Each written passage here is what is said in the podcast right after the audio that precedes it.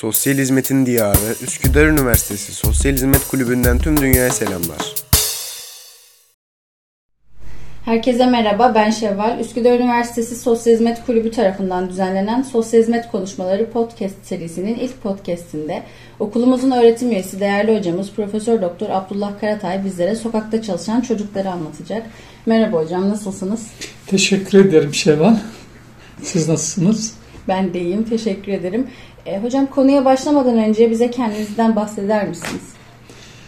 Ee, aslında benden sen bahsettin. Ee, aşağı yukarı 7 yıldır Üsküdar Üniversitesi Sosyal Hizmet Bölümünde öğretim üyesi olarak çalışıyorum. Ama tabii e, yaşımı bildiğiniz için bütün çalışma hayatım bu 7 yıl olmadığını tahmin ediyorsunuz. Bundan önce sosyal hizmetler alanında aşağı yukarı 25 yıl e, sosyal hizmet uzmanı ve e, sosyal hizmet idarecisi olarak görev yaptım. E, şu anda da işte e, öğretim üyesi olarak genç arkadaşlarımıza rehberlik etmeye çalışıyorum. Teşekkür ederiz hocam. O zaman e, siz konuya başlayın. Ben size mikrofonu uzatayım. Peki konu neydi? Sokakta çalışan çocuklar. Evet. Ee, sokakta çalışan çocuklar sözü dillendirildiğinde benim karşımda bende uyandırdığı, depreştirdiği bir takım imgeler ya da duygular var şüphesiz. Çünkü sosyal hizmet alanında çocuklarla ilgili çalışıp bu alanla bir şekilde ilişkilenmemek ya da bu alana dair e, bir fikir veya bilgi sahibi olmamak neredeyse mümkün değil. Çünkü özellikle e, ülkemizin son 30-40 yılında ya da belki son e, yarım yüzyılında hemen hemen bütün zamanların gündeminin bir parçası oldu. Tabii daha genel bir e, gündemin daha alt bir parçası olarak değerlendirmek mümkün. Daha genel olan parçası da şuydu. Ülkemiz bilindiği üzere özellikle 70'li yılların ortalarından itibaren e, yeniden bir karılmaya başladı ve önemli oranda e, bir e, nüfusun kentlerde toplanmaya başlaması sonrası insan hayatının, insan hikayelerinin kentlerde yeniden yazılmaya başlanmasına paralel olarak çeşitli kentsel sorunlarla da karşı karşıya gelmeye başladı. 70'li ee, yıllarda başlayan bu e, dönüşümün esas olarak 90'lı yıllarda belirginleşmeye başladığını görüyoruz. Neydi o belirginleşen şey?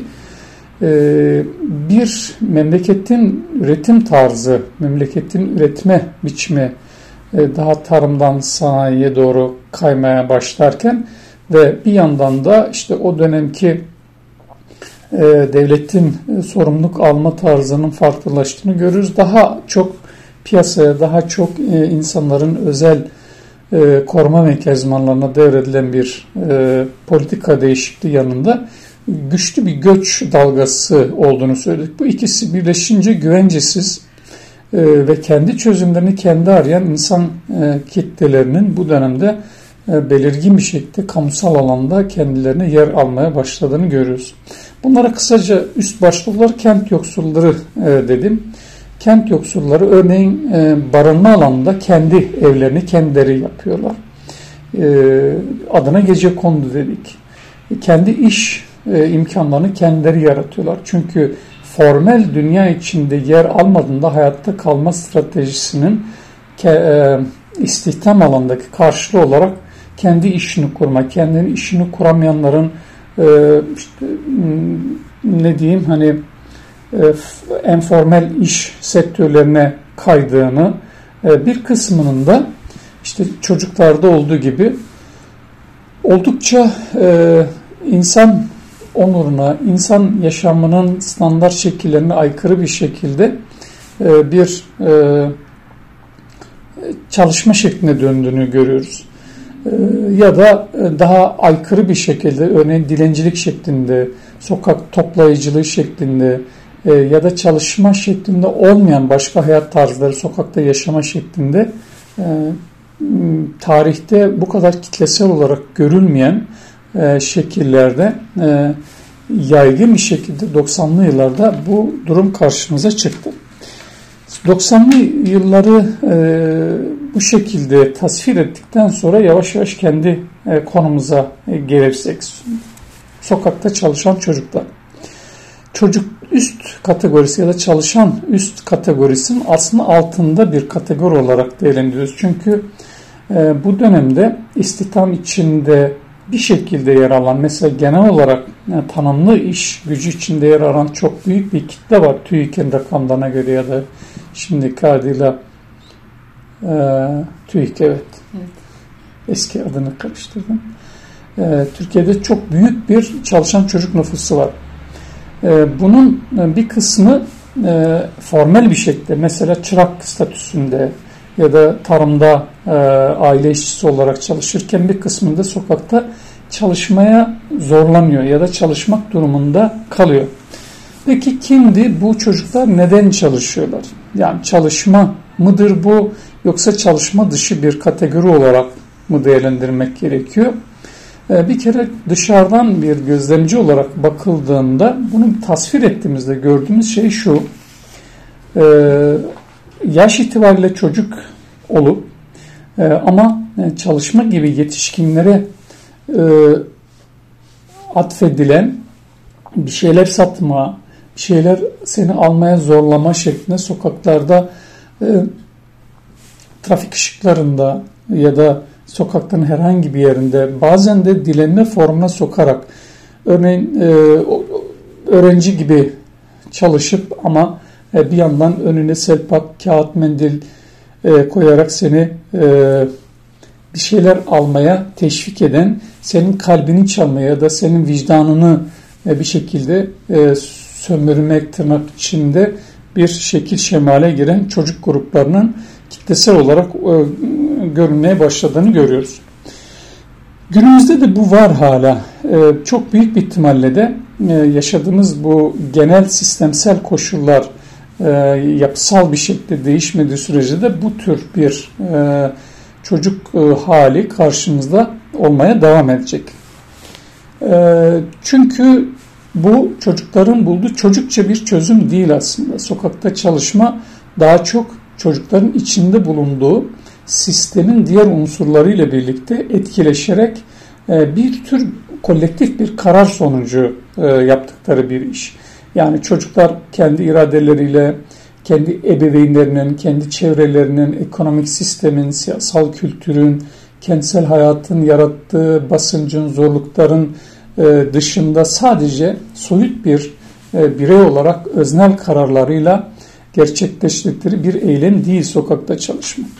Dolayısıyla sosyal hizmet açısından bakıldığında olgu nedir diye biz biliyorsunuz sosyal hizmet yaklaşımı itibariyle e, kendi e, nesnemizi içinde bulunduğu bağlamlarla birlikte değerlendiriyoruz. İşte ekosistem yaklaşımı diyoruz ve herhangi bir durumu, bir bireyi, bir insan grubunu, belli bir yoksul veya dezavantajlı insan topluluğunu sadece kendileri değil, içinde bulundukları ve bir şekilde etkileşim halinde bulundukları diğer sistemlerle olan etkileşim sonucu bütünlükte olarak değerlendirmeye çalışıyoruz. Şimdi bu bakış açısını e, biz çocuklara yönelttiğimizde ya da sokakta çalışan çocuklara yönlendirdiğimizde o halde şöyle değerlendirebiliriz. Çocuklar var. Çocukların birlikte yaşadığı ve bir parçası oldukları bir aile sistemi var. Bunlar iç içe bir başka sistemle işte kentsel e, e, konut sistemiyle, e, istihdam sistemiyle, ülkenin sosyal yardım sistemiyle, sosyal hizmet sistemiyle, eğitim sistemiyle, sağlık sistemiyle, bütün bu sistemlerle entegre bir şekilde bir bütün olarak varlar ve ancak bu bütünlüklü etkileşim sonucu bir karar almak. Bir karar tek başına bir çocuğun, bir karar tek başına bir babanın, bir karar tek başına bir ailenin kararı olarak değerlendirilemez. Dolayısıyla sokakta çalışan çocuk olgusu bizim e, bakış açımıza göre e, kolektif bir e, etkileşim ve kararın nihai sonuçtur. Böyle bakıldığında sokakta çalışan çocuklar sorununa yaklaşırken de biz sadece çocuğa yönelerek bir çözüm perspektifi geliştiremeyiz. Sokakta çalışma olgusu sokakta çalışan çocuğu aşan ailesiyle ilgilidir, ekonomik sistemle ilgilidir, kültürel sistemle ilgilidir, sağlık sistemiyle ilgilidir, çocuk koruma sistemiyle ilgilidir. Genel olarak sosyal refah sistemiyle ilgilidir diye düşünmek gerekiyor. Bu arada ben böyle bir e, şeyde ilerliyorum ama siz e, bana arada soru sorabilirsiniz. Hocam o zaman siz 90'lardan özellikle itibaren Türkiye'deki sokak çocukları olgusunun nasıl geliştiğini bize anlattınız aslında. Yani daha geçmiş ama 90'lardan itibaren de söylemiş oldunuz. Peki bu sokakta çalışan çocuklar Türkiye'de bu şekilde tanımlanıyor. Bu bölgeden bölgeye değişen bir kavram mıdır? Yoksa mesela Amerika'da da sokakta çalışan çocuk kavramı bu şekilde mi tanımlanır? Ee, bir olgunun tanımlanması süreci genellikle e, bu işte ilgilenenlerin etkileşim sonucu olur. Sokakta çalışma, sokak çocukları olgusuyla ilgili olarak kavramsallaştırmanın şekillenmesi bu işle ilgili ulusal ve uluslararası e, uzmanlar ve kurumların etkileşim sonucu.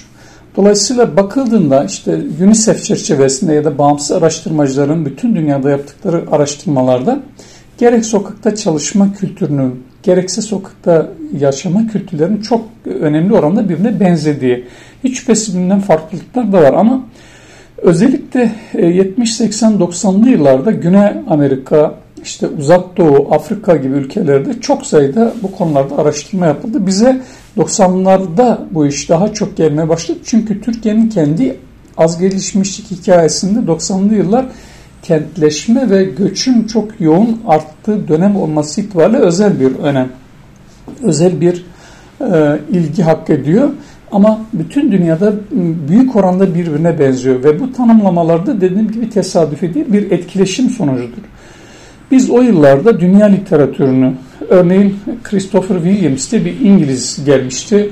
Onun anlatımlarını dinlemiştik. E, UNICEF'in literatürünü okuyorduk. Başka literatürler e, okuyarak e, ortaklaşa kavramlar çerçevesinde olguya bakmaya başladık ve kendi e, ortaklıklarımız ve özgürlüklerimiz, farklılıklarımızla anlamaya çalışıyorduk. Şimdi bizim kendi özgürlüklerimiz vardı. 90'lı yıllarda Türkiye'nin e, göç dinamiklerinin gerisinde iki tane temel dinamik vardı. Bir Türkiye'deki ekonomik sistemin değişmesi yoksullaşmayı tetikliyordu. Bundan dolayı bir iç göç vardı. Ama bir de zorunlu göç vardı. Özellikle Türkiye'nin doğu ve güneydoğusunda yaşanan e, çatışmalar sonucu zorunlu göç diye tabir edilen bir olgu sonucu gelen çocuklar vardı ve o dönem çok önemli oranda e, Güneydoğu'nun e, çocukları idi. Mesela bugün nasıl Suriye'den çatışmalardan kaçan ailelerin çocukları ise o dönem böyleydi. Dolayısıyla kendi özgünlükleri e, ile bakıldığında biraz daha yanlışıyor. Şundan dolayı e, o dönemin çocuklarının aileleri bir süre sonra topluma entegre olmaya başlayınca o çocuklar bu sefer daha az sokakta görmeye başladı. Bu sefer yeni e, olgu yani daha e, az entegre olmuş dezavantajlı insan grubu olarak göçmen aile çocukları onların yerini aldı. Ama sokakta ya da sokak dışı çocukların çalışması, çalıştırılması olgusu hiçbir zaman bitmedi. Ee, işte o dönemin çocukları örneğin şu anda belki daha görünmez alanlarda, e, işte e, tekstil atölyelerinde ya da küçük sanayi e, firmaların ya da bağımsız satıcılar olarak sokak aralarında ya da kapalı mekanlarda çalışma aslında bir şekilde devam ediyor. Çünkü biliyoruz ki e, dezavantajı ve topluma tam entegre olamamış e, bir toplum kesimi varlığını sürdürüyor ve bunlar e, büyük oranda da büyük şehirlerde. Neden büyük şehirler? Çünkü büyük şehirler insanların umut aradığı ve umudunu bulabilme imkanın en yüksek olduğu mekanlar olduğu için buralarda tabii Türkiye'de bu işin başında İstanbul gelmekle birlikte 90'lı 2000'li yıllardan itibaren kırlardan ağırlıklı olarak Güneydoğu Doğu'dan gelen göçün büyük bir kısmı işte Ankara, İzmir, Mersin, Adana gibi e, çok bütün büyük şehirlere aslında dağıldı. Dolayısıyla evet e, bütün dünyanın ortak dinamikleri e, var ve ortak dinamikler bizde de işliyordu. İşte göçtür, yoksulluktur, sosyal koruma mekanizmalarının zayıflığıdır, e, sosyal yardım ve e, gelir desteklerinin zayıflıdır. E, onun dışında tabii ki eğitim destekleri ve diğer sosyal koruyucu desteklerin yokluğu bu olguyu e, süreyen hale e, getirdi ve hale e, sokakta çalışan çocuklar potansiyeli bizde bu sistemin zayıflığı nedeniyle e, ciddi bir şekilde varlığını korumaktadır diyebiliriz. Aslında bu sorunun cevabıyla birlikte e, sokakta çalışan çocukların neden sokakta çalıştığının da cevabını vermiş oldunuz. Peki bu çocukların e, ya bu çocukları bekleyen tehlikeler nedir bu işin sonucunda? Şimdi sokakta çalışmanın yarattığı tehlikeler büyük oranda e, aslında hepimiz için var olan tehlike ama bunlar çocuk olduğu için e, bu risklerin yaratacağı e, zararlar çok daha fazla. İşte e, daha yetişkin, daha işte suça yönelimli grupların saldırısına uğramak, paralarına el konulması, bu dışarıdan gelen. İçeriden gelen ise e, bu hayatın çocukların kişiliğin bir parçası olmaya başlaması. Artık bir e, alışkanlık haline getirmeleri bu çocukların. Dolayısıyla bir kuşak olarak e, bu çocuklar artık e, hayatı e, sürdürme, hayatta tutunmanın e, yolunu e, daha marjinal işlerde arama alışkanlığını geliştiriyor. Bunun dışında bilinen özellik bilinen bir takım riskler var ki o da işte maddeye bulaşma, işte suç örgütlerine, çetelere ya da çocuğun gelişimine aykırı çeşitli alışkanlıklara bulaşma gibi çok çeşitli riskler var bilinen en fazla olan hani madde kullanmaya e, başlama e, ve doğaldır ki bu tür maalesef e, etkiler oldukça da yaygın bir şekilde görüldü ve hala da görülmeye başlanıyor. Çünkü sokakta yaşamak yani aile ya da kamu korumasının dışında bir hayat oldukça zor bir hayattır. Bu hayatı zorluğunu e, yüklenebilmek için aranan çeşitli yollar var. Bir grubun içine girme, bir koruma şemsiyesi arama, e, dışsal maddi bir koruma olur.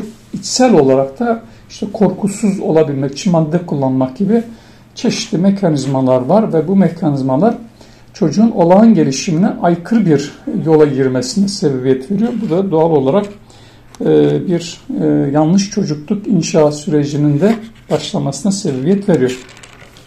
Hocam peki ülkemizde ve dünyada sokakta çalışan çocuklarla ilgili ne gibi düzenlemeler var?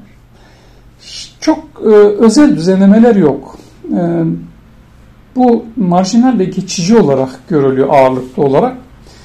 Şimdi e, bir sokakta çalışma aslında olmaması gereken, normal bir toplum olmaması gereken bir durum. Dolayısıyla özel olarak bu e, çocukların varlığını kabul edip bunlara yönelik bir çalışma çok yok. Geçici e, ve istisnai müdahaleler var. Temel olarak iki tane yaklaşımdan bahsedilir. Bir tanesi işte e, genel çocukluk tanımına uygun olarak işte çocuk kimdir? 15 yaşın altında asla çalışmaması gereken, 15 yaşın üstünde 18'de çalışması gerekiyor da tanımlanmış alanlarda çalışması gereken kişi. Dolayısıyla e, bu çocukla karşılaştığında bu zihniyete uygun hareket eden sistem diyor ki bu bir suçtur. Dolayısıyla derhal ortadan kaldırılması gerekiyor. Bu mevcut sosyolojik bağı görmeyen yaklaşımdır. Diğer bir yaklaşımsa herhangi bir e, kavramdan değil doğrudan gözlemden. Ben sokağa gittim, işte sokakta e, toplulaşan bir şeyler çalışma, e, satmaya çalışan, e, belli bir ilişki ağı e, geliştiren ve dış dünya ile bir takım özel ilişkileri geliştiren ailelerle bir takım özel ilişkileri olan bir çocuk grubu gördüm. Buradan hareketle sorunun tanımlama tip, tipik sosyal hizmet yaklaşımı budur aslında. ikinci yaklaşımdır ama bu yaklaşıma uygun bir kamu politikası dünyanın hemen hemen hiçbir yerinde yok. E, oysa eğer bir sosyal sorun e, olgusal olarak varsa ve bu varlığı devamlıysa ki var ve devamlı e, varlığı devamlı gibi görünüyor. Dolayısıyla buna dair e, bir sosyal hizmet politikası da olması gerekiyor. Sadece bir suç olgusu, dolayısıyla bir asayiş politikasıyla kendisine yaklaşılması gerekiyor. E, dolayısıyla bu ikinci yaklaşımın çok e, zayıf olmakla birlikte esas olması gerekiyor. Çünkü yok edemiyorsanız onunla birlikte yaşamanın kurallarını getirmeniz gerekiyor. E, ve buna ne yapmamız gerekiyor? Örneğin biz sosyal hizmet açısından diyoruz ki eğer bizim dışımızdaki yapılar yani ekonomik sistem, kültürel sistem, sağlık sistemi, eğitim sistemi bu sistemi ortadan kaldırmıyorsa ve bu bizim önümüzde bir sosyal sorun olarak duruyorsa biz e, bu insanları sorun olarak değil, sorunlu sorun sahibi insanlar olarak görüp bunlarla ilişki kurmalıyız. E, bunları tanımlamalıyız, bunlara rehberlik etmeliyiz, bunlara e, topluma entegrasyon için e, çeşitli mekanizmalar açmalıyız. Sosyal hizmetin yapabileceği sokak sosyal hizmeti örneğin e, sokakta var olarak sokakta bu çocuk ve buna benzer grupların örneğin diğer çalışan grupların yaşayan insanların, evsizlerin onlarla ilişki kuran, onlara bilgi veren, onlara rehberlik sunan, onlara acil hizmetler veren bir yapı olarak biz bir e, kendi görev tanımımızı yapabiliriz. Ama tabii ki sosyal hizmet bütün bu büyük yapı içinde küçük bir yer tutuyor. Esas sorunu ortadan kaldıracak, yok edecek yapı e, sosyal hizmetle e, olmaz. Bir sonraki adımda istihdam sistemi, bir sonraki adımda eğitim sistemi, sağlık sistemi, konut sistemi, sosyal güvenlik sistemi, bütün bu sistemler tam işlemediği durumda bu tür marjinal, bu tür ki artık marjinal değil süreklileştiğine göre e, toplumun gerçekliği e, esas özelliklerinden bir tanesi. Bu anlamda sosyal hizmet ancak e, sistemin diğer unsurlarla ilişkilenme noktasında rehberlik, destek, güçlendirme faaliyeti yapabilir. Buna çok kısa olarak biz literatürde sokak sosyal hizmeti diyoruz. Oysa bakıyoruz ki e, sokak sosyal hizmeti de e, çok zayıf dünyada. E, bu ismi kullanarak çeşitli çalışmalar yapan örneğin Almanya'da e, bazı çalışmalar var. E, Güney, Güney Amerika ülkelerinde bir takım e, sokak sosyal hizmeti uygulamaları var. Bir dönem Türkiye'de de bunu yapmaya çalıştık ama sistematik ve kurumsal yapısı oluşturulmuş bir hizmet değil maalesef. Dolayısıyla yapılabileceklere dair teorik bir öngörümüz olmakla birlikte sistematik bir yapımız yok. Bunun dışında örneğin tekil bir takım müdahaleler var. Örneğin Türkiye'de sosyal hizmet merkezleri üzerinden e, işte gelen acil e, ihbarlara dönük tekil müdahaleler, e, sokak değil ama neydi adı? Yani vaka merkezli, geçici, bir defa mahsus bir takım müdahaleler olmakla birlikte sokakta konumlanan bir yapı yok. Tek örgütlü yapı çocuk polisidir. Emniyet e, çocuk şubesinin çocuk polisidir. Ama tabii onların da uzmanlık alanı çalışma değil, sokak çalışması değil, marjinal hayatlar. Onlar daha çok suç boyutuyla bakıyorlar. Biz sosyal boyutuyla bakacağımız için bizim varlığımızın şekil alacağı nokta sosyal örgütlenme. E, bu insanları sorun olarak değil, sorun içinde olan olarak görüp destekleyici, entegre edici noktalarda destek olmak olacak idi ama böyle bir yapımız maalesef yok gibi görünüyor. Peki neden sistematikleşemiyor sokak sosyal hizmeti hem Türkiye'de hem de dünyada? Çünkü e, marjinal insanları e, toplumda görmüyoruz aslında. Temel problem bu. E, herkes e, en çok önemsediği şeyi görür. Herkes parayı önemsiyor. Herkes gücü önemsiyor. Herkes işte şatafatı önemsiyor. Ee, küçük hayatları kimse görmüyor. Bunları küçük hayatlar e, bizi rahatsız eden varlıklar olarak gören yani baskın, dominant ideoloji bu yönde. Olmayan hatta olmaması gereken e, varlığı sadece bizim için tehdit olan evet çeşitli tehditler ve sorunlar da yaratıyor ama bir sistem olarak e, marjinal dünya, sokak dünyası esasında yardım bekleyen e, topluma entegre olması gereken ve olmak isteyen, e, dolayısıyla ilişkilenilmek isteyen bir dünya ama e, çok paranın dönmediği ya da görece az paranın döndüğü, e, çok fazla e, entelektüel görülmeyen, önemsenmeyen, dolayısıyla görünmeyen bir dünya, görünmeyen bir dünya olduğu için ben bunun ideolojik bir e, boyutu olduğunu da düşünüyorum. E, bizim normalimiz olarak görülmüyor. Bundan dolayı olsa gerek. Dolayısıyla önemsemek sadece öznel bir şey, ben çok önemsiyorum demek de olmaz. Bir şeyin önemsenmesi e, o fikrin gerekleri olan kurumsal yapının, işte örneğin bütçe ayırmanın, insan o konuda görevlen istihdam etmenin, bir takım hizmetler vermenin somutlaşmasıyla ancak önemseriz. Yoksa böyle soyut ben, biz çok önemsiyoruz. Biz fakirleri çok seviyoruz. Ee, biz işte çocukları çok seviyoruz. Bu, bütün bunlar e, hep manipülasyon, işte gerçekçi olmayan e, öznel iddialar. Önemsendiğiniz yer yatırım yaptığınız yerdir. Eğer yatırım yapmıyorsak yani duygusal yatırım, sosyal sermaye anlamında işte maddi yatırım o alanda örneğin ne kadar kurumun var, ne kadar personel istihdam ediyorsun, e, ne kadar çok yatırım yapıyorsan o kadar önemli. Şimdi bu alan bomboş bir alan. Bu bomboş bir alanı önemsediğimizi söylersek bir hayali gerçeklik içindeyiz demektir. Neden öyle? Bundan dolayı böyle önemsediğimiz bir alan değil.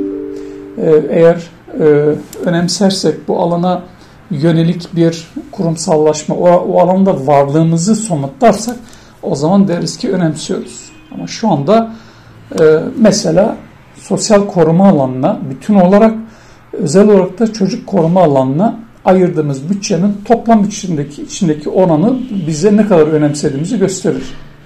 Oysa biliyoruz ki e, son derece düşük.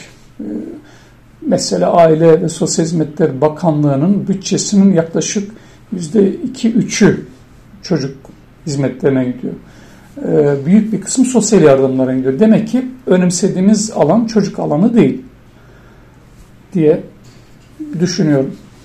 Hocam aslında e, sosyal çalışmacıların ne yapacağı ve ne yapamadığını da söylemiş oldunuz sistem içerisinde. Peki son olarak vatandaşlar yani vatandaş olarak biz sokakta çalışan bir çocuk gördüğümüzde ne yapmalıyız? Yani mesela bir dilenci görünce aslında insanlar e, para verip vermemek arasında bir ahlaki ikilemde kalıyorlar kendi etik çerçeveleri hı hı. açısından. Siz ne düşünüyorsunuz bu konuda? Ya vatandaşların e, bence e, sorumluluğun tümünün kendisinde olduğu gibi bir e, sanıya kapılmamaları gerekiyor. Yani bu sorun çözecek olan vatandaşlar değil. Vatandaşlar e, vicdanların sesine bence kulak verip e, eğer işlerinden geliyorsa aman ben para veriyorum bu çocuğun sokakta kalmasına katkı veriyorum gibi bir sanıya kapılmaları doğru olmaz. Çünkü sokaktaki yaşamın sebebi biz vatandaşlar değiliz. Ee, bu toplum kesiminin topluma entegre olamaması, sokakta kendi çaresini arıyor olmasının sebebi sistemsel bir şeydir. Hani biz e, toplumu tarif ederken mikro, mezo, makro diye üçe bölüyoruz ve bunun bütün olduğunu söylüyoruz. E, makro sistemi e, bu noktada e, çok ön plana getirmemiz gerekiyor. Tekil olarak sokakta çalışan bir çocuğun bireysel iradesi yani mikro eylemi e, o makro sistemle ilişkili olarak düşünüp biz vatandaşlar olarak bu e, insanlarla karşı karşıya geldiğimizde birinci olarak kendimizi koruma güdüsüyle elbette hareket etmeliyiz. Çünkü romantik yaklaşıp sokaktaki herkes çok masumdur, çok e, tehlikesidir diyemeyiz. Dolayısıyla öncelikle kendimizi koruma güdüsüyle hareket etmeliyiz. E, ikincisi eğer e, herhangi bir tehlike görmüyorsak e, verilen hizmetin değerini kat kat aşan bir e, değerde olmamak kaydıyla mesela bir serpak alınacaksa serpağın 3 aşağı 5 yukarı değeri kadar. Ki artık sadece çocuklar değil yetişkinler de bu tür e, hizmetleri sunuyorlar. Dolayısıyla piyasa koşullarına çok aykırı olmayan bir takım ilişkiler içine girilmesini ben çok da e, sistemi bozucu olarak görmüyorum. Yani vatandaşlar kendini bütünüyle kamunun, devletin yerine koyup sanki sorunun tümünü çözüyormuş gibi öyle büyüklenip bak ben almayarak ne kadar büyük bir iş yaptım yaklaşım içine girmeleri biraz gerçekçi olmayacaktır diye düşünüyorum. Dolayısıyla bir koruma, iki vicdanın sesi. Kendimizi hiç şüphesiz korumak öncelikli olmalıdır.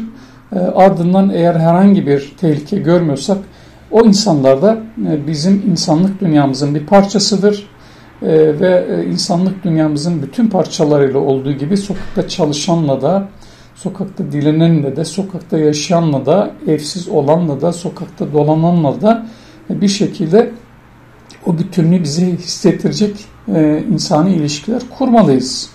Bundan kaçınmanın kendimizi büyük çözüm konumuna getiren büyüklenmelerin içine girmemizin sadece belki bize psikolojik faydası olur ama e, bu yapıyı dönüştürmeye herhangi bir katkısı olmayacağını düşünen bir noktaya evrildiğimi hissediyorum.